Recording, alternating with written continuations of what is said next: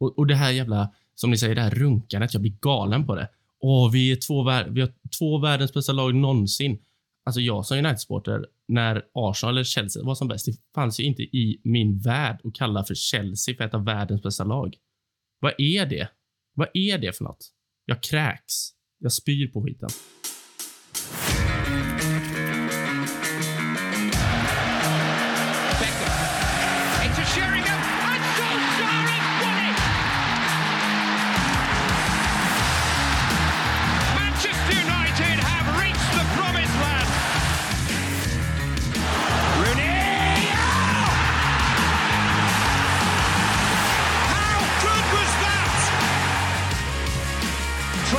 To play. Scholes! Unbelievable!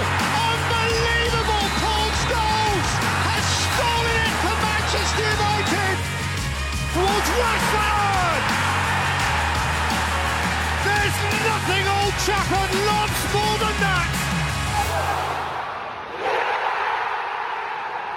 Ni är som alltid ruskigt välkomna till United-podden. Podcasten som du inte visste att du längtade efter. United-podden görs i ett stolt samarbete med både den officiella supporterklubben MUS och United-redaktionen på Svenska fans. Mackan är givetvis här. Vad händer? Jag är alltid här. Eh, det är eh, vad som händer. Ja du, Adam Fröberg. Det händer eh, inte särskilt mycket i Marcus liv just nu. Det är eh, samma gamla vanliga. Så, så förutsägbar och eh, tråkig är jag. Men eh, så är det ibland. Ja, då eh, går vi rakt vidare från dig för det var inte mycket kul att hämta. Micke, du är tillbaka efter många om och men. Hur mår du egentligen? Äh, fan, det har, ja, det har varit bättre. Men eh, jag mår mycket bättre nu än vad jag gjorde för eh, ja, bara en vecka sedan ungefär kan man säga. Du får ju nästan ta oss igenom detta. Du har ju informerat oss om att du skulle iväg på dubbla semesterveckor, du skulle åka skidor och du skulle glassa i solen. Och sen verkar det helt plötsligt som att det inte blev så. Vad skedde? Ah, fy fan vilket jävla haveri. Man har liksom kämpat sig, tagit sig igenom den här jävla vintern med allt vad det innebär. Kört stenhårt kvartal ett utan alkohol och inga, ingen pasta och sån här lyxigt och förberett mig för en skön två veckors semester. Jajamensan, kommer upp till, eh, till eh, svenska fina fjällen, kanonväder, massor med snö. Och så blir man ju sjuk naturligtvis första dagen. Och sen eh, blir hela stugan sjuk och så låg vi där och stirrade in i väggen och stirrade ut på det fina vädret. Och bestämde oss efter typ tre dagar att nej, men det här skiter vi nog i. Vi, vi, avbryter och åker hem. Och så eh, laddade jag då för fullt för semesterresa nummer två. Men förlåt, men det låter inte som att ni var lite småsjuka då eller? Det låter ju som att det var ordentligt. Jag var, bara slog till eh, med rejäl däckning i feber och ja, vi var helt utslagna. Och Sen eh, i alla fall tänkte jag att nu blir jag nog frisk här i alla fall. Ladda lite för, hade några dagar på mig att bli frisk till Spanienresan då. Tisdagen veckan därpå. Men eh, för säkerhets skull då, även om man tror att pandemin är över, så, så tog jag ett covid-test eh, 48 timmar innan jag skulle åka och det gav utslag för första gången. Jag tror jag har tagit 50 sådana här snabbtest. Aldrig fått utslag fast jag har varit eh, sjuk och så vidare. Men den här gången så var det två streck. Såklart. Ja, fy fan. Alltså ni anar inte den nirvanan jag föll ner i där. Jag var så jävla knäckt. Så eh, nej, det, jag har haft två vidriga veckor bakom mig så jag är inte på så jättebra humör. Av flera skäl. Eh, Jag förstår det. Var det samma gäng du skulle åka med på båda resorna eller? Nej, det var det inte, utan det var, det var familjen faktiskt vi var i fjällen med. Vi var två stugor. Eh, Men eh, sen var det en polare och jag som skulle åka ner eh, till Spanien. Så han blev inte jättenöjd när jag ringde och meddelade att eh, sorry, det blir inget. Hur gjorde ni då? då? Åkte han själv eller sket ni det helt? Nej, jag fick ställa in. Fy fan. Hade ni, hade ni återbetalningsskydd eller vad det heter? Ja, vi hade det, men nu sitter man och jagar in eh, intyg och grejer. Ska försöka claima tillbaka pengar. Ja, du vet. Det är sånt jag håller på med på dagarna nu. Ja, så jävla roligt det låter då. Men ha- hade ni haft i er att sticka iväg en vecka sådär själva? När det kommer till kritan? Ja, ja, ja. Det kan man väl eh, göra. Jag är jävligt bra på att roa mig själv. Så Det, det hade jag löst galant. Ensamölen och ett korsord, eller hur jobbar du? Nej, inte korsord för fan. Eh, korsord och sudoku är fan, eh, det är inte på, det är inte på min karta. Det, då hade det nog blivit, eh, vad fan gör man? Får jag tänka efter här. eh, läsa en bok kanske, lyssna på podd, spana på eh, andra personer. Men vad fan, du får ju, du får ju kommunicera. Ja, jag, jag har faktiskt aldrig varit på en eh, ensam semester, men, men jag hade ju tyckt det var kul att gå och sätta mig i någon bar och surra med någon random dåre liksom. Som tycker det är kul. Någon full tysk som alltid sitter där. Jo, det hade jag ju också gjort mycket, men jag menar, det går man kanske inte göra halv tio på morgonen. Liksom. Då sätter man sig vid en, en solstol och spanar lite bara. Gå på personer. Ja, sen kanske man är trött på det fjärde dagen. Då kanske det blir en, en barrunda där 09.45. Men eh, det är ju semester då, liksom, så det är väl lugnt, tänker jag. Ja, Gustav känns ju, han har ju den här auran. Han sätter sig på en bar där vid halv tio-draget och så... Han går till han- mikrobryggeri och spanar efter eh, Jonathan Spector. Eller?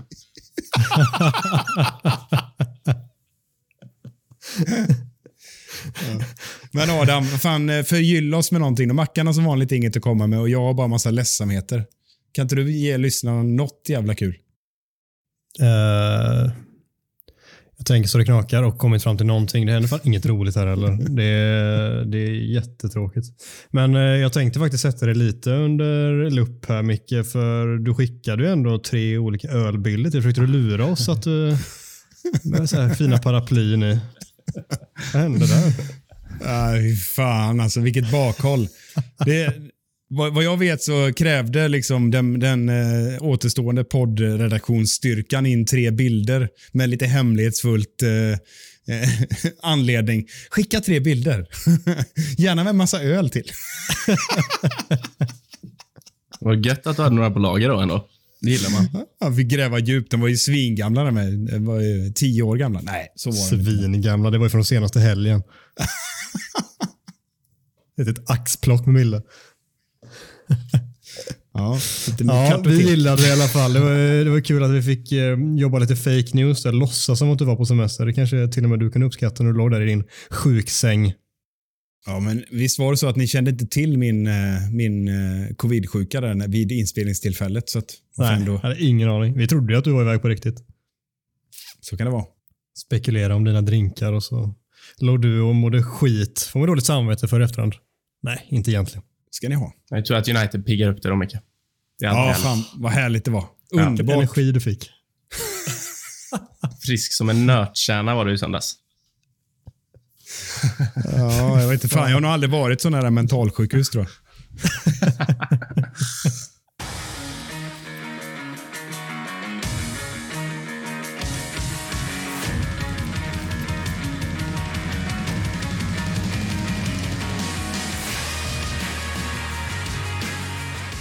Det var ett tag sedan vi spelade 0-1 mot mäktiga Everton.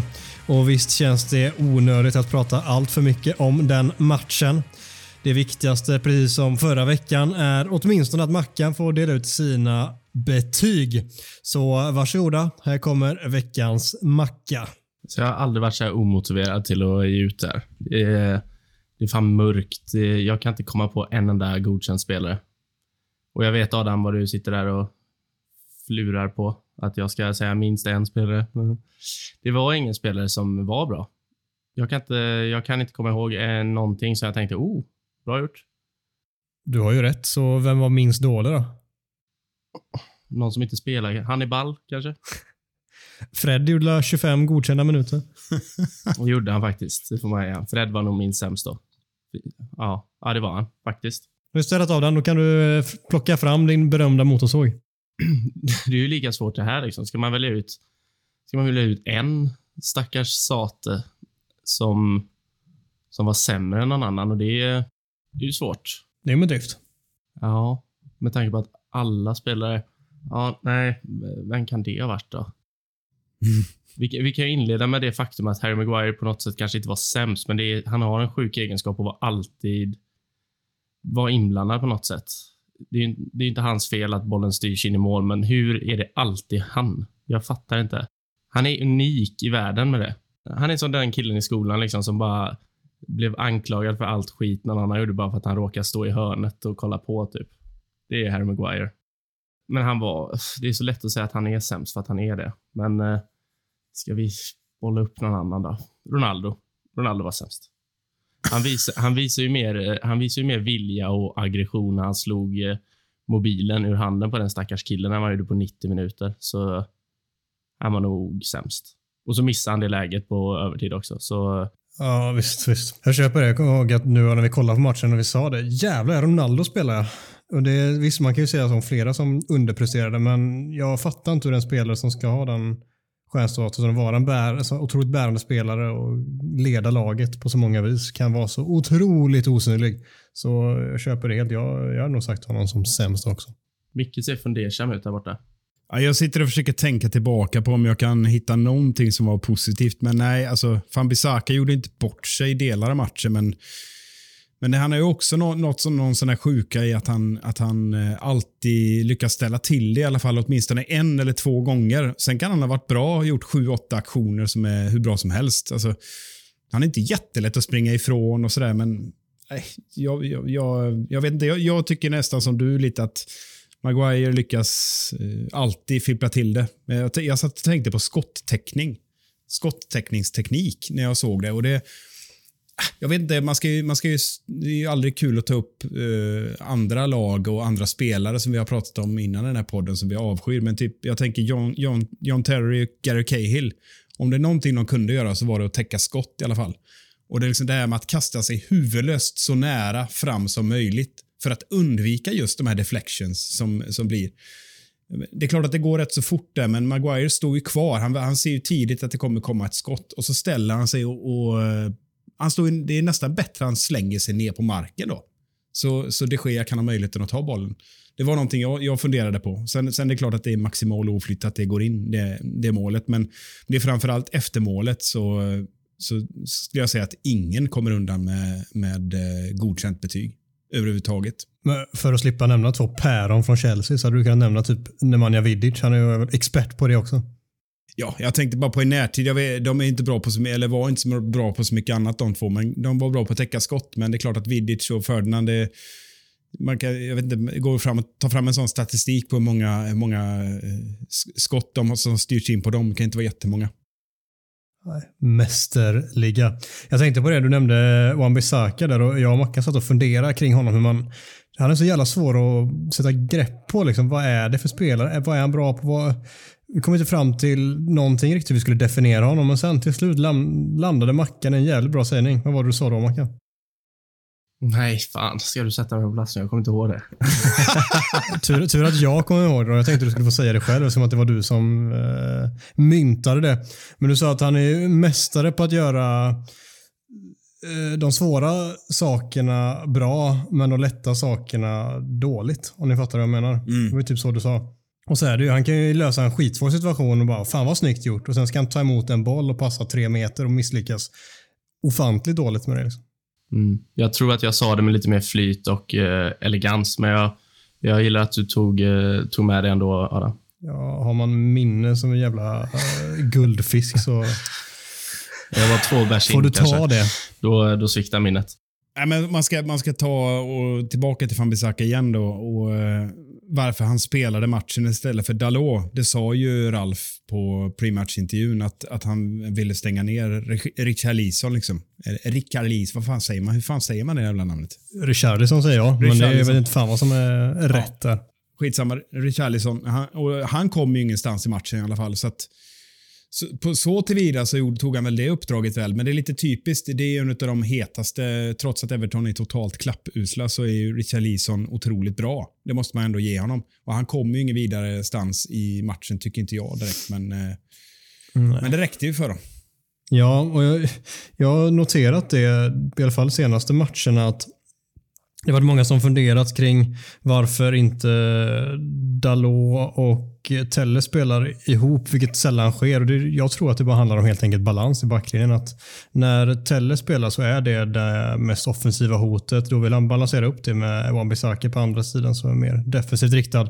Och tvärtom då när Shaw kan spela så är han det naturliga vänsterbacksvalet och då i alla fall i något svårare matcher, så, eller där man anser att motståndare har en het spelare på den sidan, som nu mot Everton, så väljer man ju då Wan-Bissaka där för att balansera upp och ha eh, i alla fall tre stycken mer defensivt kunniga försvarare, om man nu anser att de är det. Men eh, ja, ni fattar hur jag menar. Jag tror att det är många gånger så som Ragnek resonerar i de fallen. Och det, det kan man köpa till viss del, samtidigt som man önskar att vi snarare var på framfoten och försökte trycka ner motståndarna själva, men det är vi inte asbra på heller. Nej, det är ju... Ja, det finns ju så mycket att säga. och så lite att säga samtidigt om insatsen överhuvudtaget. Men, men eh, det är ju ganska tydligt i alla fall, som jag skulle vilja kasta in att att den här truppen tål inte en motgång som ett insläppt mål mot Everton. Det är väldigt tydligt att se för att det finns ju inte. Det, finns, det, är, det är Ronaldos chans som du säger där Mackan. Det är väl det, det vi har. Sen, sen att vi är bra för innan målet eller bättre innan målet, det hjälper inte. Du kan inte släppa in ett mål och totalt fallera. Så det är ju tydligt att det finns ju ingen stake överhuvudtaget i den här truppen. Man har, man har så låga krav också på vad som, är, eh, vad som är bra. United var bra innan målet. De hade liksom två chanser mot ett lag som släppte in tre mål mot Burnley för tre dagar innan den här matchen. De var okej. Okay, liksom. det, var inget, det var inget mer än det. De var okej okay första 25 och efter målet så var de ju bara helt värdelösa.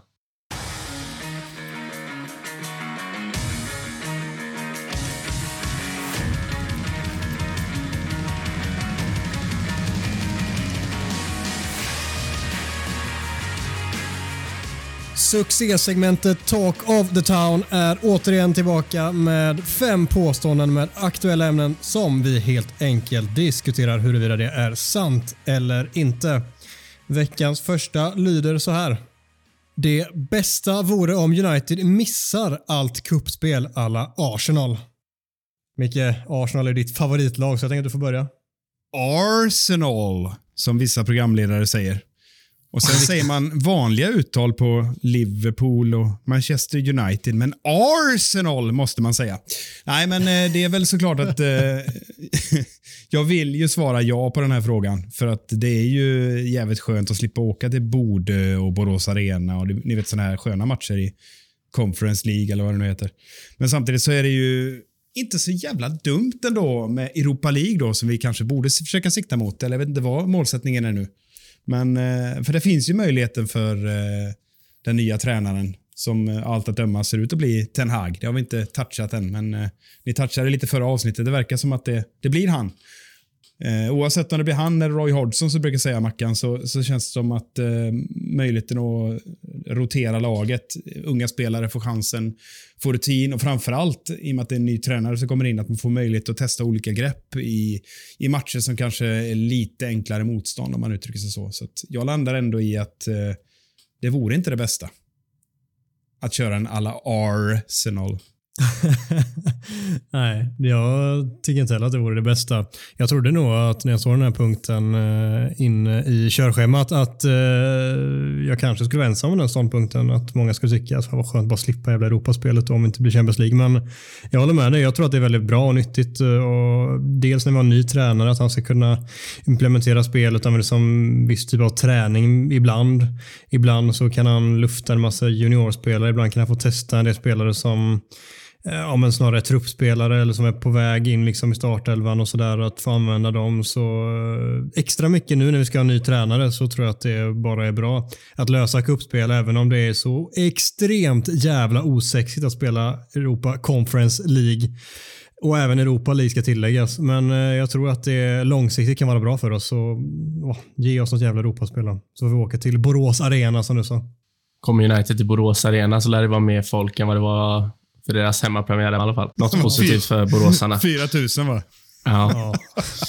Nej, men jag, jag håller med egentligen, men bara för att vara lite motsols här så måste jag bara... Vi, eh, om det blir så att det blir Conference League eller Europa League eller vad det är, som det ser ut att bli, så vi kan ju inte anpassa poddschemat efter det.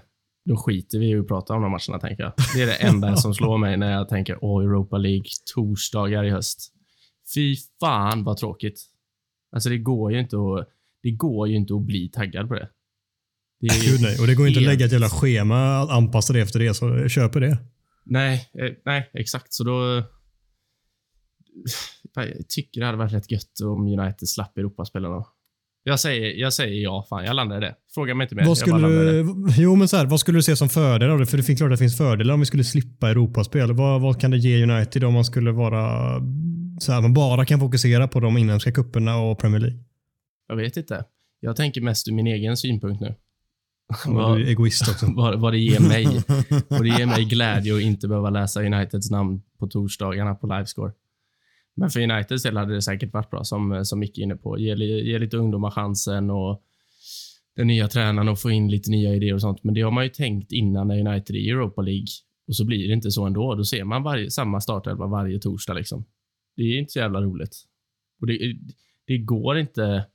Alltså, då tänker man bara, det kanske blir en titel här, men så vet man ju att United kommer ju gå på mina i kvarten liksom, när de möter Sorja Luhansk eller vad fan de heter. Det det är liksom, eh, det är så tråkigt och det, är, Ja. bara, det är bara tungt liksom. Det är bara trött och tråkigt och tungt. Ja, och det, det har du verkligen rätt i. Och Jag eh, tycker som sagt att det är fruktansvärt tråkigt, men att det finns fördelar med det. Men så här om vi skulle missa Europaspel helt. Det finns ju exempel när, med klubbar, till exempel Chelsea för några år sedan när de vann Premier League efter att helt missat Europaspel. Conte kom in första säsongen och vinner Premier League för att han kan använda samma startelva i varje Premier League-omgång och de kan bli liksom jävligt trygga i det de gör för att han får extra timmar på träningsplanen som han inte hade haft om han behövt åka till de här eh, Soria Luhansk-matcherna.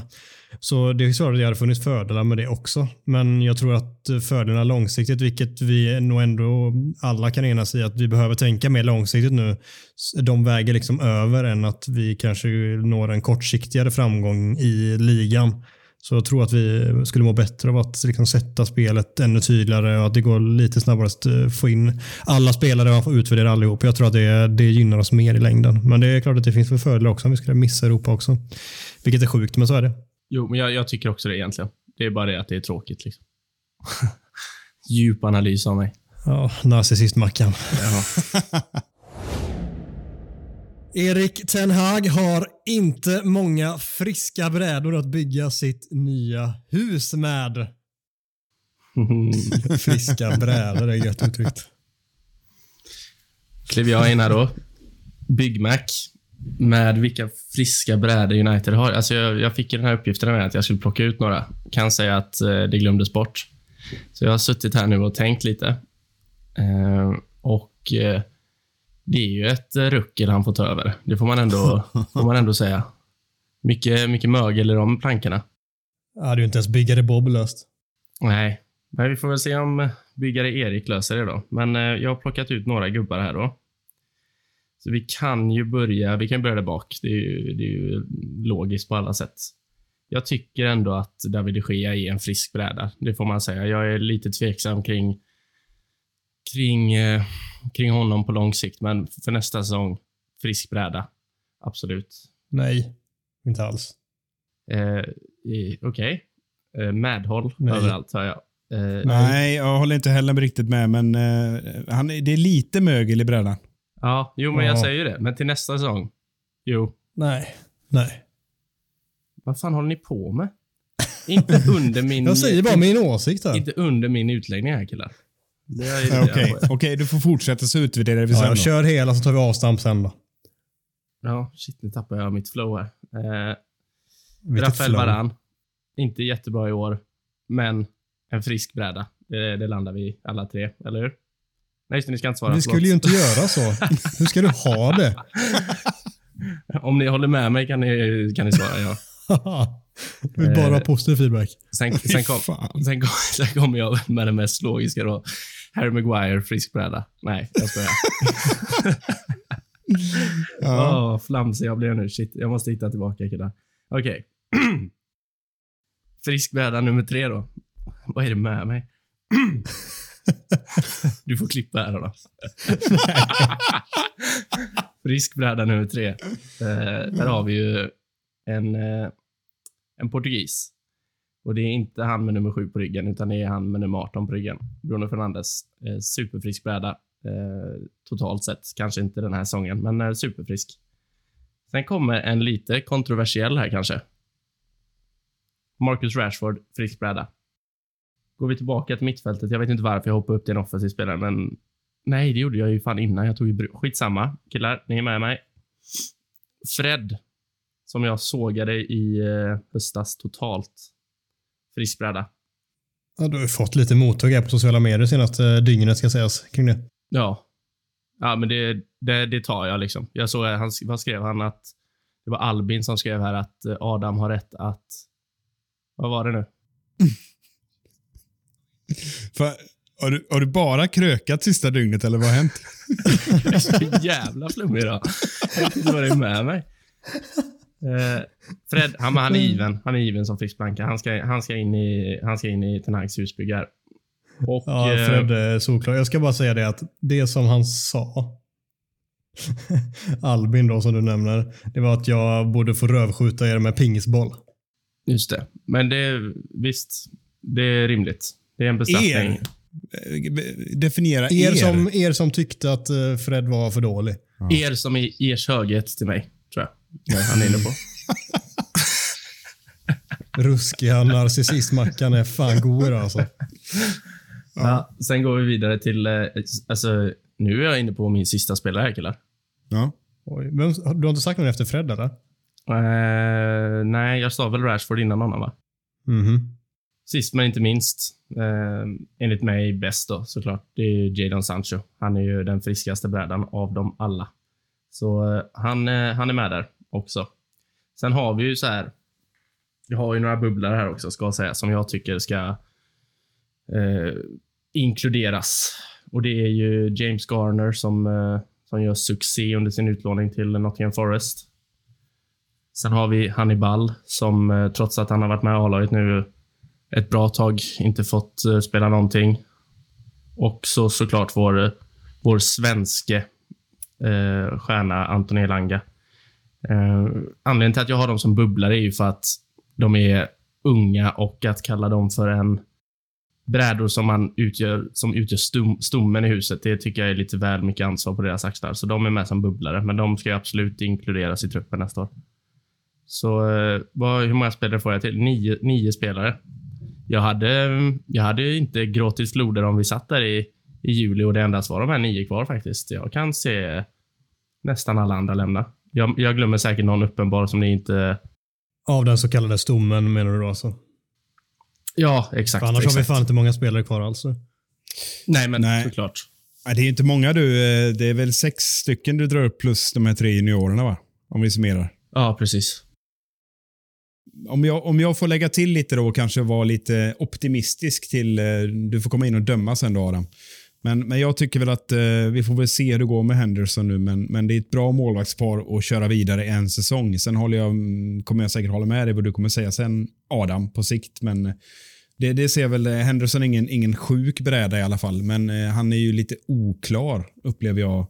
Med tanke på att han inte har fått stå någonting nästan. Och självförtroendet lär väl knappast vara så jättehögt. Men utöver det du har varit inne på sen då, om man bara river av det lite snabbt, så ser jag väl både Lindelöf, Dalot och Telle som möjliga truppspelare. Men det är ju inga startspelare. Eh, men jag, jag, jag är svårt att se att de försvinner. I alla fall eh, Lindelöf och, och Telles. Men, eh, och sen, som, som du har nämnt, så har jag ingen, ingen ytterligare på mittfältet att lägga till.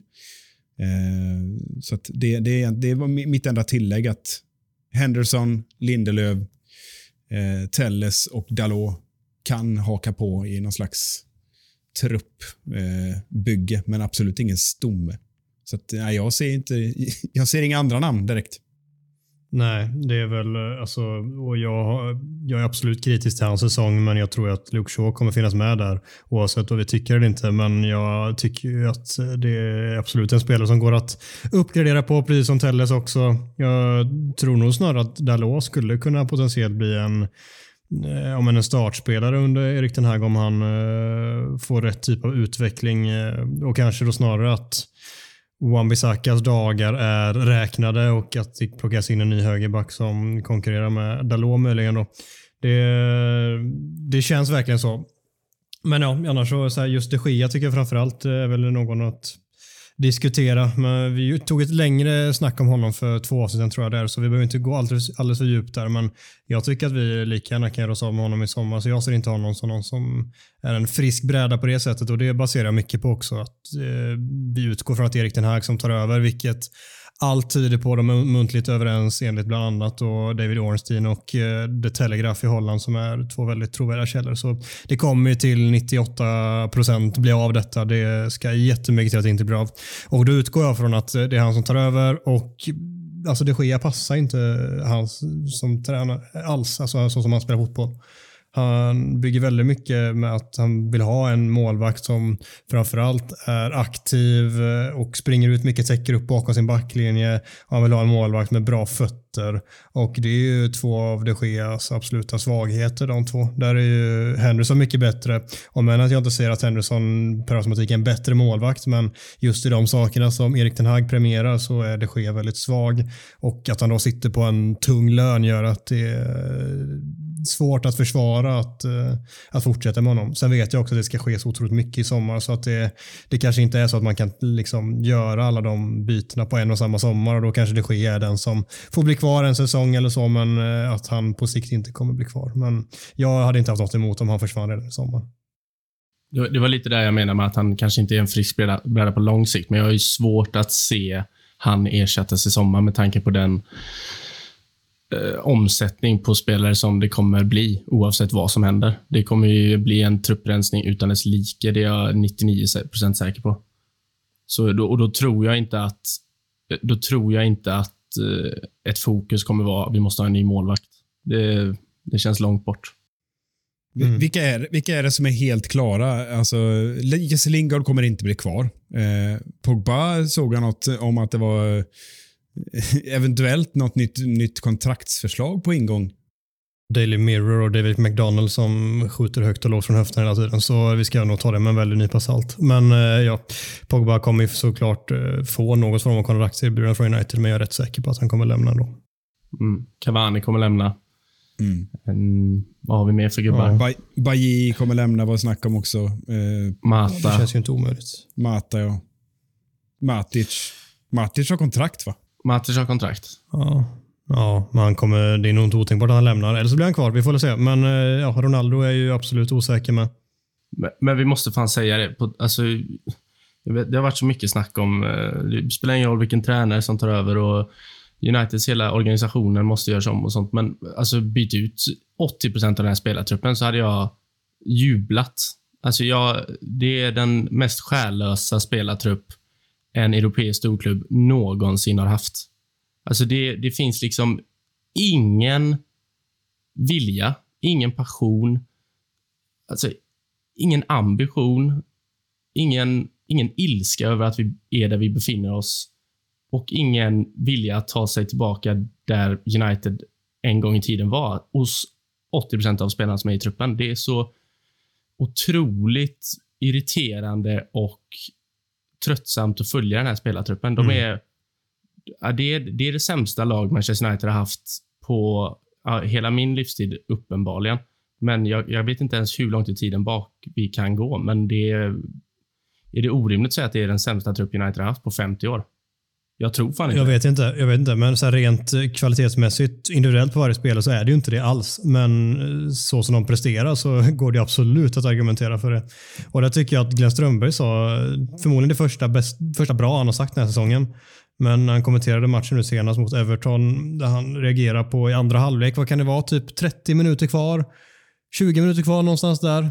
Och Eh, Everton eh, tar tid på sig på varje frispark mm. och mm. håller på sådär. Och då säger Glenn det att eller han noterar det att det är ingen United-spelare som gnäller på domaren för att det tar lång tid. Alltså det är ingen som visar liksom att kom igen vi jagar mål här. Liksom. Kasta inkastet eller ställ dig upp för fan och ta den här jävla frisparken så som det alltid är när ett lag jagar mål. Men inte en enda spelare i United brydde sig där. Det var ingen som var framme och gnällde och klagade utan de bara står där och väntar tills frisparken slås eller inkastet kastas. Och det, det tycker jag säger väldigt, väldigt mycket om hur lite vilja och intresse det finns i spelartruppen just nu. Sen vet vi också att det kan svänga jävligt fort och att flera av de här spelarna helt plötsligt kan vara älskade och visa sig vara kanonbra helt plötsligt. Men man ska nog ändå ha med sig i bakhuvudet att det är väldigt många spelare med svaga karaktärer i grund och botten i den här truppen. Ja, och sen, eh, ah, vi, ska, vi kan ju, nu går vi ifrån ämnet lite grann, men bara för att kommentera det, det, det du sa, det Glenn sa. Det har ju sina orsaker naturligtvis. Eh, det, det, är väl en, det är väl inget nytt och det är väl en öppen dörr jag sparkar in, men det är klart att Sole... Eh, Sole? o, o, Oles... Fan, jag körde Solskär och Ole i samma ord. Oles eh, liksom, projekt eh, blev vi rejäl pyspunka på. Och sen eh, efter det som hände liksom, med alla fasader följer. Liksom.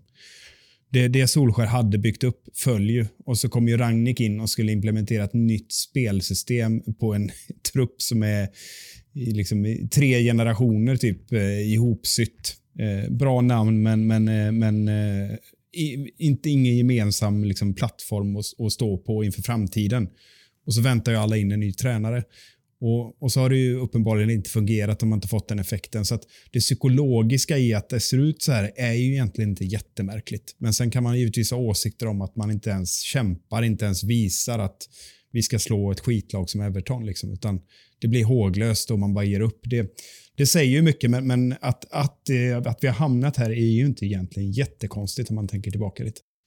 Får jag bara flika in där? Alltså jag har sett många som säger det här att, ja, att anställa en interimtränare är helt fel och det, det ska man som storklubb inte göra. Spelarna kommer aldrig eh, kommer aldrig eh, spela för honom för de vet att det kommer in en ny tränare.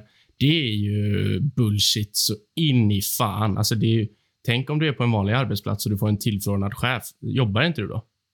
Nej, jag Nej, håller med dig. Jag pallar inte jobba det... då. Det, alltså, det är ju så hjärndött så jag fan vill spy på det. Jag Spela fotboll, spring, kämpa för laget och se till att vinna matcher. Det är ju inte hjärnfysik de sysslar med. Liksom. Det är ju inte tränaren du spelar för i grund och botten. Det är klubben och kanske i, framförallt i större utsträckning supportrarna som i grund och botten faktiskt betalar din lön. Nej, det är det jag menar. Jag, alltså jag är så trött på den här spelartruppen. Så jag sa för några veckor sedan 11-12 spelare bort och det tycker jag är absolut minimum. Alltså. Bli, har vi mer än har vi mer än 35, nej, nu säger jag fel. Har vi mer än 65 procent kvar av den här spelartruppen nästa år, då kommer jag bli ruskigt besviken, för då kommer Tenag få det, om inte lika tufft som Ragnik, eh, nästan lika tufft. Det är jag rätt säker på. Jag tror att mycket sitter i spelarna. Ja, ja såklart. Men ja, du kommer ju bli besviken då, för vi kommer ju inte skicka iväg 12 spelare i sommar. Liksom. Det, det kommer inte ske. Det kanske blir sex, kanske sju, kanske, kanske åtta. Men jag, men jag kan inte så, se mer än så. Är det inte så att vi har redan sex som är borta typ då? Ja, jag tror inte de kommer sälja sex stycken då liksom. Jag tror, jag tror säkert fyra, fem kan säljas i alla fall. Ja, osäker. För jag tänker så här, det, det, går inte att göra så stora förändringar på en sommar. Det måste ske lite successivt. Om vi ser på tre fönster, absolut, då måste så många vara borta. Om vi ser till sommar, vinter, sommar, liksom hans första år vid, eh, vid, vid rodret, Erik den Hag. Men jag har svårt att se att man gör så mycket under en sommar. Jag tror att det är att Visst att det bara behövs rivas upp, men jag tror att det är för mycket att riva upp eh, på samma gång. Jag fattar att det är så här, det är lite football manager-tänk av mig, men samtidigt tänker jag också att vi har en del unga, hungriga spelare som antingen är ute på lån eller som är i, kvar i klubben i akademin. Alltså, skicka upp dem då. Om vi, om vi tappar tre utfyllnadsspelare, varför ska vi värva tre spelare? Då kan vi flytta upp tre utfyllnadsspelare inom parentes från akademin. Jag är så trött på att man accepterar mediok mediokritet, säger man så? jag tror inte det heter så, men det var gött sagt så vi kör på det. Det är ett nytt uttryck. För det är, det är ju det som har försatt oss i den här situationen från början med mycket annat. Men alltså det, den här spelartruppen bryr sig inte om vi kommer på en nionde plats eller om vi kommer femma. Liksom. Det spelar ju absolut mm. ingen roll. Gud ja, och jag håller med dig. Jag tycker att det borde bli så. Jag hade absolut inte ha, haft något problem om det blev så. Men jag tror absolut inte att det kommer bli så. Jag tror inte man kommer ta den vägen. Det har jag svårt att se, men det vore gött. Det blir naturligtvis succé med Ajax 4-3-3-modell. Och det blir det väl? Ja, det är klart det blir. Eh, men naturligtvis beror det ju jättemycket på det vi pratade om eh, tidigare. Eh, och Vad jag har förstått på det jag har läst mig till så, så håller ju Ten Hag på att förhöra sig hur mycket han har att, vilket mandat han kommer ha. Dels förmodligen det vi nyss har pratat om, vilka han vill ha bort och vilka han skulle vilja kunna värva in. Det har ju alltså öppnats upp att det, det kommer att värva spelare. Men så, såklart eh, kommer han säkert att se annorlunda på... Ja, men det tydligaste exemplet är väl förmodligen Donny van de Beek som kommer få en ny chans i alla fall att spela in sig i det här laget. Något annat skulle jag bli lite överraskad över, att, eh, om det nu blir Ten Hag vill säga. Men nyckeln är ju som jag ser det, som alla andra har sagt det också, behöver man inte vara jätteduktig på fotboll, men Eh, det centrala mittfältet blir ju helt avgörande för hur man kan spela det, det här, eh, det här typen av spelet som jag uppfattar Ten Hags spel. Eh, det funkar inte att ha Nemanja Matic och, och andra typer av långsamma spelare på ett sånt mittfält. Så det, det blir väldigt intressant att se hur han bygger just det centrala mittfältet som jag tror han kommer lägga krut på. Eh, om, om jag hade varit honom så hade jag gjort det i alla fall. Mm, och det, det ska sägas att det är det det snackas om också, att han vill ha in två stycken centrala spelare mm, som har som egenskaper som är väldigt energiska Eh, och det köper man ju rätt av. Det är ju den typen av spelare vi saknar på mittfältet och det är den typen av spelare som krävs i hans lag. Och Det som sägs är att en av dem ska vara mer defensiv, eh, alltså mer sittande och en av dem ska vara en av de två framför. Då, eftersom att det är så han spelar med en eh, diamant med en sittande och två stycken framför. Och Det känns väl logiskt. Bruno Fernandes skulle vara perfekt i en, så, en av de tre. En offensiv åtta liksom, tror jag han skulle vara helt perfekt i. Eh, det ser jag i alla fall. Men, men vi får, det återstår att se. och det, det, är väldigt mycket om och men. Men som svar på påståendet, naturligtvis succé. Det vete fan. Eh, om två år kanske. Mm. Ja, det är inte tidsbegränsat detta, så eh, om du ser under Ten Hags tid i United tror jag att det blir succé då. Ja, om definitionen av, beror på vad definitionen av succé är, men givetvis att vi tar oss tillbaka till att hota i toppen. Då, om det får skruva om det här. Ja, succé ska, tycker jag ändå ska vara, då ska det bli en PL-titel. Liksom. Ja. ja, det blir svårare. Det, det, det blir, på tre års sikt kanske, men eh, inte förr. Nej, nej. Mackan, vad tror du? Får vi eh, en succéartad Erik Ten Hag-session i United? Ja, jag, jag, tror faktiskt det. Men och det, det är ju emot allting jag nyss uh, satt och brann för här i fem minuter. Men uh, jag vet inte vad det är med honom som får mig att tro på honom. Han känns bara så, så självklar i typ allt. Eh, så ja, jag, jag, tror ju på succé. Nästa år kommer det bli långt ifrån succé. Det är jag rätt säker på. Men inom, inom tre år har vi en PL-titel. Vet du vad jag gillar framförallt med den här anställningen som verkligen, verkligen sluta bli av? Nej. Berätta. Det är att vi plockar för första gången under de här snart tio åren som vi varit utan Sir Alex Ferguson att vi tar in en tränare som är tydligt på uppgång. Det är inte en tränare som Mourinho som har haft sina glansdagar som snarare är lite på dekis. Samma med Fanchal som ålderns höst haft sina absolut bästa perioder i tränarkarriären. Utan det är en tränare som har gjort otroliga saker i holländska ligan som har gjort det väldigt bra i, när han var som assisterande i Bayern München och som har framförallt då i Ajax i den här sessionen han haft där har gjort två stycken otroligt bra lag. Han fick det första som han tog till semifinal i Champions League upprivet och sen bygger han ett nytt som är kanonbra det också och kan mäta sig med, eh, alltså i, i mångt och mycket i alla fall, med de bästa lagen där ute, vilket är sjukt imponerande. Med en fotboll som är väldigt tilltalande och eh, modern. Där sa jag det ordet. Ni fattar. Och eh, det tycker jag blir väldigt, eh, väldigt, väldigt spännande. Att vi tar en sån tränare nu och inte någon som är etablerad på den högsta nivån redan, utan någon som kanske är ännu mer hungrig och som är på väg uppåt. Det, det kittlar mig otroligt mycket och gör att jag tror på detta ännu mer än eh, vad jag hade gjort med många andra val.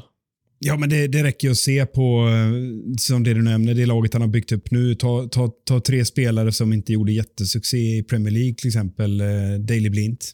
Eh, han var okej. Okay. Eh, vi har eh, fina Tadic, som eh, han var väl också okej, okay, men han är ju stjärna liksom i laget. Och Sebastian Allaire är ju det klart det starkast eh, lysande exemplet. Snacka om att putsa till diamanter av, av eh, skadat gods. Jag menar, kommer han till, eh, till United, det är det vi har precis har pratat om. Vi har pratat om en massa massa duktiga spelare som har gjort bort sig ordentligt och som vi vill i stort sett ha bort från laget.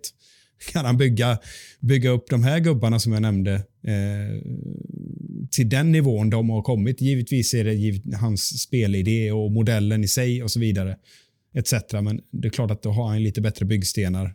Även om vi kallar det för mögliga brädor så kanske han kan svarva om dem, vem vet? Och det är en tränare som har i alla lag han har varit eh, blivit en tränare och en person som spelarna är beredda att liksom gå i krig för. För att han är så otroligt bra på att få med hela spelargruppen. Han är väldigt omtyckt av alla hela tiden. Och Sen är det klart att det blir en annan grej när han kommer in i ett omklädningsrum med Uniteds stjärnor. Och Det blir jätteintressant att se hur han hanterar det. Förhoppningsvis så respekterar de honom med tanke på att han ändå har ett rätt vasst CV trots sin unga tränarkarriär. Men det är, det är framförallt där som det finns frågetecken hur han hanterar ett sånt här lag. Och Sen vet vi inte heller vilka av dem som är kvar i slutändan. Men några av dem kommer vara det. Och det är fortfarande spelare som tjänar betydligt mer pengar än han någonsin har haft hand om. Så det det blir intressant att se hur han kan applicera det på de här primadonnorna. Men att han har det track recordet är ju väldigt intressant och jag hoppas ju få se något liknande. Att han kan bygga liksom en, ett lag och en lagmoral som eh, är beredda att uh, gå över lik för varandra. Ja, jag, jag håller med i allt ni säger. Jag, jag tror bara att det stora frågetecknet är inte hur han anpassar sig. Jag tror det stora frågetecknet är hur spelarna anpassar sig när han kommer in, för det är han som ska bestämma och Det är hans mandat att han ska bestämma. Det har ju redan läckt ut uppgifter om att vissa delar av United-truppen är eh, oimponerade över anställningen av Ten Hag. Och det, jag vet inte, jag tycker bara det bekräftar min, mitt sätt att se på den här United-truppen. Så jag tror, jag tror att det är spelarna som har den största utmaningen. Mm. Jag hoppas att han har befogenheten att skicka dem åt skogen då. Liksom. Ja, precis. Ja. Det var exakt det jag skulle säga. Om det nu stämmer, eh, de ryktena, så, så kan de ju tycka det då. För det kommer ju knappast gynna dem själva. Nej, nej, nej. verkligen så. Vi får väl se vad som, hur mycket sanning det ligger i de ryktena också. För det är ju enkelt att uh, sparka på någon som ligger ner, vilket United gör. Det är bara att hälla liksom bensin på den här stora, gigantiska brasan. Men eh, naturligtvis blir det succé med Ajax 4-3-modell. Det är jag såklart givetvis assäker på också. Så eh, gött med Premier League-guld och Champions League-titlar inom räckhåll. Som vi har längtat. Nu ska ni få ett eh, svåruttalat ord framför er här i nästa punkt. City och Liverpools ryggdunkrunkande är ett tydligt symptom på fotbollsvärldens havererade utveckling. Ja, vad fan alltså det här är... Ja, det är så vidrigt att se. Alltså jag, jag har sett att flera andra kollegor, eh, United-tyckare eh, här, har, har brunnit av. och jag har suttit och retat upp mig på det här ganska länge nu och det blev någon slags crescendo här i, i den här vidriga matchen som spelades här nu. När det var någon, de stod på rad alla journalister och det är media naturligtvis som har pumpat upp det här eh, vidriga glorifierandet av det här tvåhästars-racet som har eh, som det utvecklas till och det ena vidrigheter efter det andra eh, kommer fram och den här, och sen på, adderar man på då den här självgoda von Oben-stilen som Liverpool-fans och Liverpool eh, eh, media, eller vad fan man ska säga, har, har lagt på sig. Det är ju så jävla vidrigt med tanke på deras historia. Eh, de har lidit i 30 år och nu, och nu har de fått ordning på det de sista två, tre åren. Och City har ju varit en maktfaktor, absolut, men eh, till, till det där har hamnat nu när man bara står och eh, hånglar upp varandra var och varannan minut och, och i stort sett eh, sätter sig på den högsta hästen någonsin och kikar ner där från Eiffelbenstornet på resten. Och, nej, det, det sägs inte många kritiska ord mellan, mellan de här lagen och jag mår så jävla dåligt när jag ser det. För att jag bara tänker och översätter det själv. När vi var där uppe, det var ett tag sedan nu, men när vi var där uppe på tronen så inte fan höll vi på att gulla med, med Arsenal och, eh, eller eh, Manchester City de åren vi utmanade dem. Verkligen inte. Men det här som pågår nu, jag vet inte riktigt vad man ska likna det vid. Det, det är någon slags... Eh, jag, jag måste ändå lyfta upp det. Eh, Leddy Kings knä tycker jag var briljanta i en tweet här. Jag toppar upp med den. De slänger ut eh, eh, från skaparna av Super League. Eh, Rivalrick, eller vad, vad, filmen hette. Och så bad de Liverpoolpodden Liverpool-podden och oss, eh, eller bad de, de pekade ut att vi betygsatte det på lite olika sätt. Jag tycker det var ett perfekt sätt att, beskriva det här. Det är någon slags Super League-tänkande. Där alla ska vinna och alla två som spelar högsta divisionen ska vinna alltså. Och resten får inte vara med. Lite den stilen. Den mår jag riktigt illa av. Och det känns som att vi är redan i Super League-tänket. Om man tar bort rivaliteten. Usch, säger jag bara. Det är så jävla äckligt att se alltså. Det, det är som att de, båda de här två eh, fanskarlarna som det såklart är väsentlig skillnad på i storlek, men eh, de hörs på sina sätt båda två. Och eh, experter och tyckare där ute. Det sättet som de liksom försöker lyfta upp de, det andra laget för att på så vis hävda att de själva är, för att då visar det hur, de själva, hur bra mm. de själva är. Liksom så här, det här är det bästa laget någonsin och vi utmanar dem. Liksom. Vi, vi är lika bra. Det är de två bästa lagen i Premier Leagues historia och det bara gå till absurdum efter absurdum och jag blir bara tokig när jag hör det. Det är som Jamie Carragher som spelar ut och säger att det här är det största vad var det han sa? Kallade han för den största rivaliteten eh, typ någonsin eller? Visst var det så? Vilket, eh, så han fattar ju också vad det får för effekt när han säger det, så jag tror att han, det är lite effektsökande från hans sida förvisso. Men det är så många som backar upp det och vill hålla med för att eh, det lyfter upp deras egna klubb just nu, vilket är så jävla äckligt att se. Jag tycker att eh, Kristoffer Svanemar beskrev det väldigt bra för några veckor sedan hur Liverpool supportrar framförallt är hur Liverpool är som klubb väldigt mycket när han pratade i eh, någon av Dobb-TV sändningar när han förklarar att allting för Liverpool-supportrarna är så speciellt. De är alltså speciella deras eh, supportrar, The Cop, är så speciella. När de vinner ligan så är det så speciellt. När de tar sin Champions League-titel då är det alltid så speciellt. Deras innermittfältare, när han slår en utsökt passning så är den så speciell varje gång. Jag tycker han beskrev det väldigt bra för det är ju så otroligt sant. Det är ju så det är. Allting ska vara så otroligt mycket mer speciellt när de gör det än någon annan. Jag får kvällningar. Jag, jag spyr på den här skiten alltså. Jag att, att ens kalla det rivalitet är ju att pissa på alla andra rivaliteter som finns i hela världen. En tränare sitter på presskonferensen på torsdagen och säger åh, åh, Klopp, han är bäst i världen. Åh, åh, jag ska slicka han lite i stjärten här. Och så tar det 24 timmar och så kommer Klopp och bara nej, åh, åh, Guardiola, han är så fin. Och han har revolutionerat fotbollen, han är världens bästa tränare. Det ska bli så kul att möta honom på söndag. Alltså, vad, vad håller ni på med? Alltså, det är så jävla... Det är tråkigt för det första, för det, man tappar liksom allt intresse. Det spelar ingen roll vem som vinner då helt enkelt. Det är mm. skitsamma. Eh, för det andra, vad är, vad, är, vad är det här för fotboll? Alltså, ja, det får mig att sakna Ferguson och Wenger som, som på riktigt typ mm. typ avskydde varandra under stor del av deras karriär. Det är väl det rivalitet handlar om. Det, alltså... Ja, och Benitez och Ferguson också var ju också ett par goa duster. Liksom. Ja, exakt. Och det, jag gillar inte Benitez, men det, där var han ju lite trevlig och bidrog till lite rivalitet. Liksom. Eh, sen förlorade han hela tiden, men det var inte hans fel.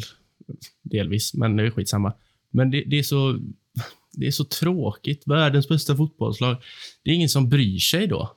Alltså, det är bara City och Liverpool-fans som engageras av den matchen. Alla andra säger bara, det är två bra lag. Liksom. Det är det. Det blir mm. ju ingen, ja, alltså, det blir ingen hype bra matchen. Lag. Liksom. Nej, men alltså, jag, jag vill väl lägga, ta en annan take på det. och det, Jag hämtar det från... Eh, jag har en liten eh, WhatsApp-grupp med två Liverpool-supportrar. Och eh, Vi kallar oss för Premier League-dårar, för vi pratar högt och lågt om allting ofta. Om alla matcher och allt möjligt. Så, så vi har rätt gott surr. Det är två, en, en kollega och en före detta kollega. Jobbkollega. Men, men de, den ena av dem, han, han tycker jag är exakt den typen av Liverpool-supporter som jag avskyr. Så att nu är det sista har vi haft lite svårt att komma överens och jag ska komma till vad jag menar. För han, han är, eh, han har glömt bort att de gjorde en ganska svag säsong förra året och att United kom före i tabellen. Nu pratar de precis som att vi är Burnley eller vi är eh, vi, vi är något jävla skitlag som är så långt ifrån den här fantastiska nivån och det här speciella. Han är också där. Det är speciella passningar, det är speciella, det är händ och dit och, och allt vad det nu handlar på att prata om.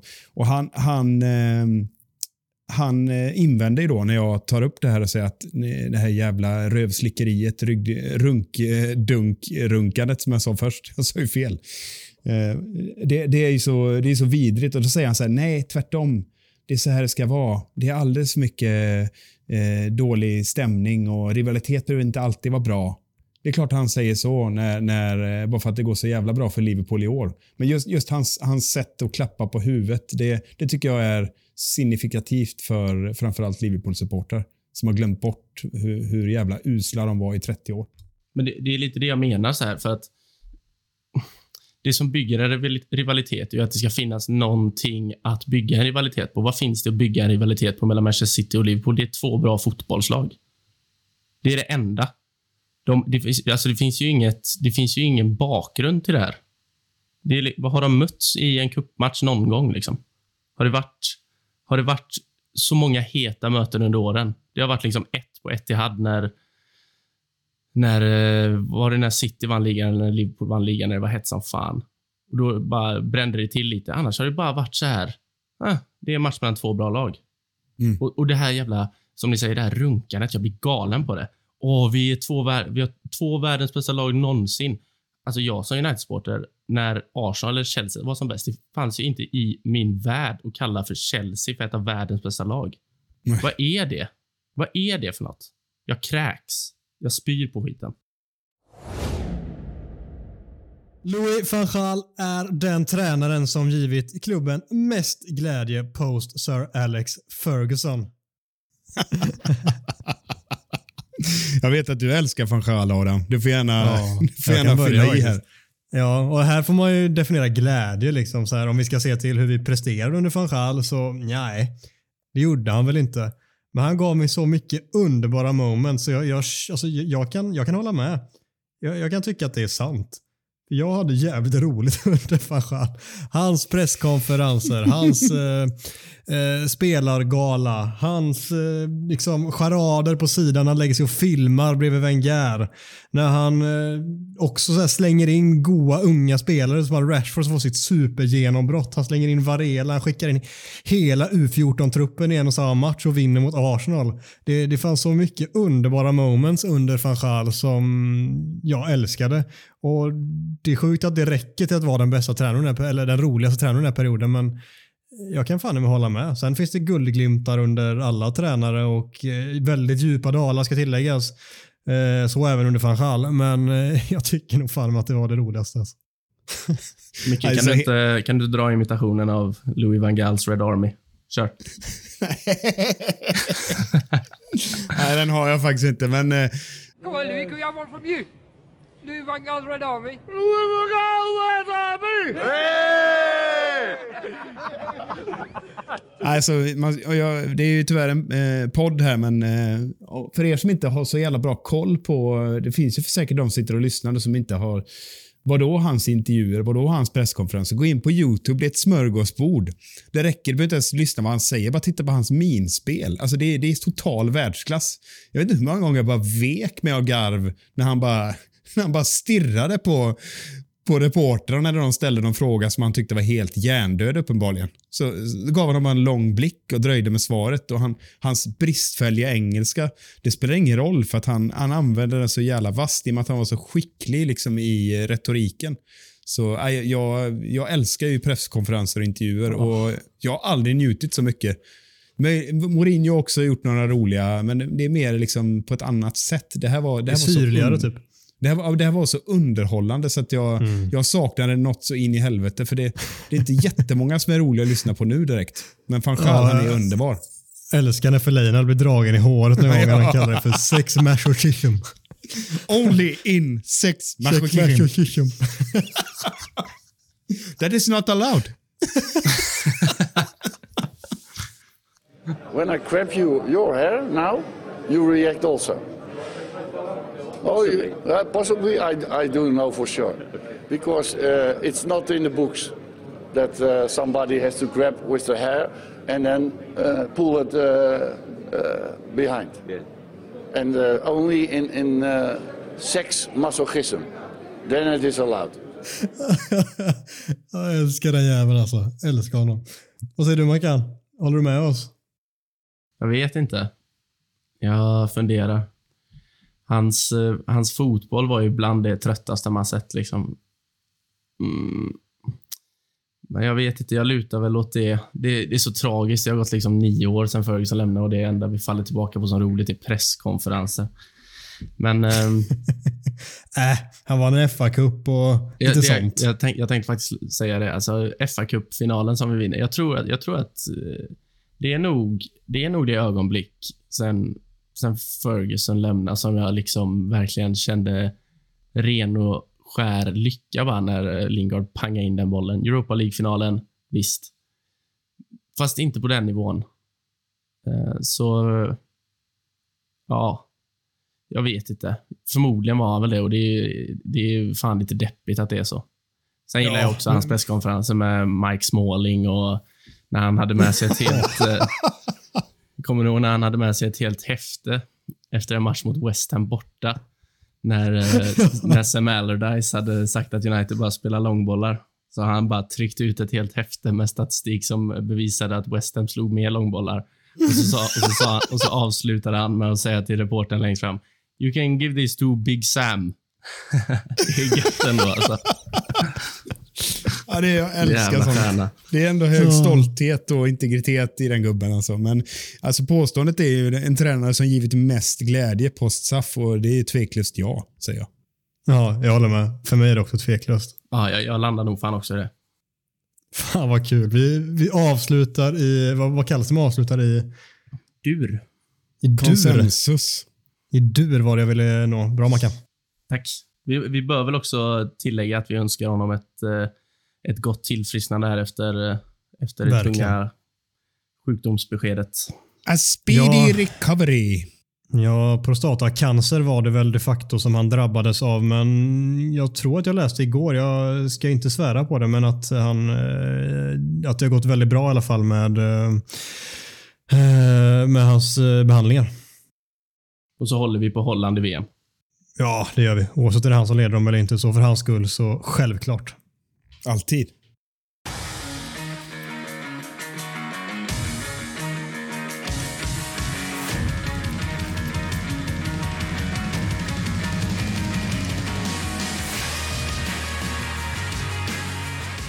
Härnäst väntar Norwich på Old Trafford på lördag klockan 16.00. Hur går tankarna inför den drabbningen Mackan? Är du eh, astaggad? Vet, vet, vad, vet vad jag, jag tänker så här. Jag är typ som en... eh, Ni vet när man, in, när man inte har kvar några bubblor i Sodastream-maskinen, men man fortsätter trycka liksom. Och så kommer det såna pysbubblor liksom. Där är jag, gällande United. Exakt där. Det kommer liksom inte så mycket. Ja. Jag... Extremt bra beskrivet faktiskt. Jag skulle säga att det, jag skulle vilja sträcka mig till att jag går fram till kranen och så kommer det inget vatten ens. Så bara går, så går och sätter mig med en sån tom flaska bara. Men man kan, är man inte nästan där nu att man inte ens orkar gå fram och försöka trycka längre? Jo, alltså jag vet inte om det är... Det kanske är emot våra riktlinjer här som podd, men jag, jag missar faktiskt matchen på lördag. Är det sant? Jag Ja, prioriterar ni- jag- andra så- saker. Jag har ju fått sån jävla skit när jag missar någon match. Ja, Ja, men eh, jag vet också att Mackan kommer se den i efterhand och eh, i det här fallet så respekterar jag det Mackan. Vad du än gör, det är, för det är förmodligen roligare och viktigare. Okej, Mackan är avstängd nästa vecka. Noterat. Noterat. Micke, för att du inte ska bli avstängd så vill jag att du levererar ett sju helvetes motståndarkoll. oj, oj, oj. Håll i er nu gott folk. Här kommer den. Nej, men eh, det är ingen hemlighet var Norwich ligger i tabellen och de är väl i stort sett avhängda kan vi väl konstatera med sju poäng upp eh, till eh, Everton som visade sig för svåra för oss. Så att det är klart att trots de här grejerna jag kommer dra nu så, så finns det inga garantier att vi går säkra på lördag direkt. Men det är ju rätt, rätt remarkabelt att se deras statistik på bortaplan. 2, 3, 10, 8 mål gjorda på 15 matcher. Liksom. Åtta mål har de gjort. Så att om man säger så här, gör vi bara två mål så kommer vi vinna matchen. Det är väl eh, rent statistiskt sett då. Det är väl inga konstigheter. Men eh, de har ju, eh, om vi tittar inbördes då, så har vi ju den senaste, sen 2011 har jag kollat statistik, 11 segrar, två torskar. Den senaste förlusten kom 2015. Då förlorade vi med 1-2 på hemmaplan. Och vem tränade då? Jo, fina Louis van Gaal. Eh, vem gjorde mål den matchen, Mackan? Kommer du ihåg det? Nej, det kommer jag fan inte ihåg. När var det? Ma Ma Martial. Ja, Ja, såklart. Martial, du var väl den där han göttade sig lite straffområdet och tryckte upp det i nättaket. Det kommer jag faktiskt ihåg. Det är dåligt av mig. Uselt. Ja, iskallt. Men eh, se upp med. Jag vet inte vad vi säger mer än att Timo Pukka har gjort 9 av deras 20 mål. Det, det säger rätt mycket. Och så har han två ass med, så han ligger bakom eh, 55 procent då, räknar vi ut. Och, alltså, utöver det, så Bill Gilmore är ju sjuk, kan inte vara med. Eh, och sen Brendan Williams får inte vara med heller. Det är väl de enda två. Du brukar ju varna för Max Aarons, eh, Mackan. Men alltså det är ju inte mycket. Det är ett Championship-lag, klart och tydligt. Men eh, jag vet inte. Jag känner mig inte direkt trygg. Trots det. Det är så gött att sammanfatta det så. Det är ett Championship-lag, men jag känner mig inte direkt trygg. Det är så gött killar. Nu, nu, mår, vi, nu mår vi som bäst alltså. Ja, men ska vi, köra lite Liverpool-tänk på det och säga att vi är det bästa, sämsta laget någonsin? Ja, men det är, det är vi nog faktiskt. Mm. Det är en Ja. trofé vi, vi får efter den här säsongen. Någonting. Ja, det ska vi fan med ha också. Nej, jag tänker att vi inte ska gå så mycket djupare än så här. Folk har koll på förutsättningarna. Folk är inte astaggade på att vi ska dissekera den här matchen in i små bitar. Vi säger så Måste- här. Måste tippa. Ja, men är jag inte på väg dit eller? Man bara spritter i bettingfingrarna. så Ja, jävlar vad taggad han är. Kanske inte låta mycket tippa idag då. Mackan, vad tror du? Jo, jag, jag har faktiskt en kompis som ska på matchen, så jag hoppas att han får se lite mål i alla fall. Så jag säger eh, 2-2. Ja, jag säger 1-1. Vad säger Micke då? Nej, nu är det fan dags. 5-1. Nu kör vi över skiten. Nu bara lossnar allting. Nu släpper vi fördämningarna. Vem är den mest osannolika målskytten av de fem då? Ja, men Fred gör ju ett till. Han känns stekhet. Ja, men det är ju väntat nu för tiden. Nej, men mest osannolika. Men Telles har sagt länge nu att han och Gustav eh, försökte trycka in han för, förra veckan. Vi säger Telles på mest Så du snor den och sen så bröstar du upp det ordentligt när den sitter sen på lördag. Ja, ja, ja. Lätt. Ja. Ja. det blir kross. Fan vad gött. Ja, gott att se. Där klappar vi en veckans avsnitt och så säger vi som vanligt att det är sjukt roligt att ni engagerar er som ni gör i podden, att ni fortsätter att lyssna och att ni skickar in så mycket frågor och eh, funderingar som ni gjorde den här veckan. Det är vi extremt tacksamma för. Det hjälper oss att bygga så bra och intressanta och förhoppningsvis även roliga avsnitt som möjligt. Speedward Gospel, följ oss på sociala medier. Vi hörs igen nästa vecka.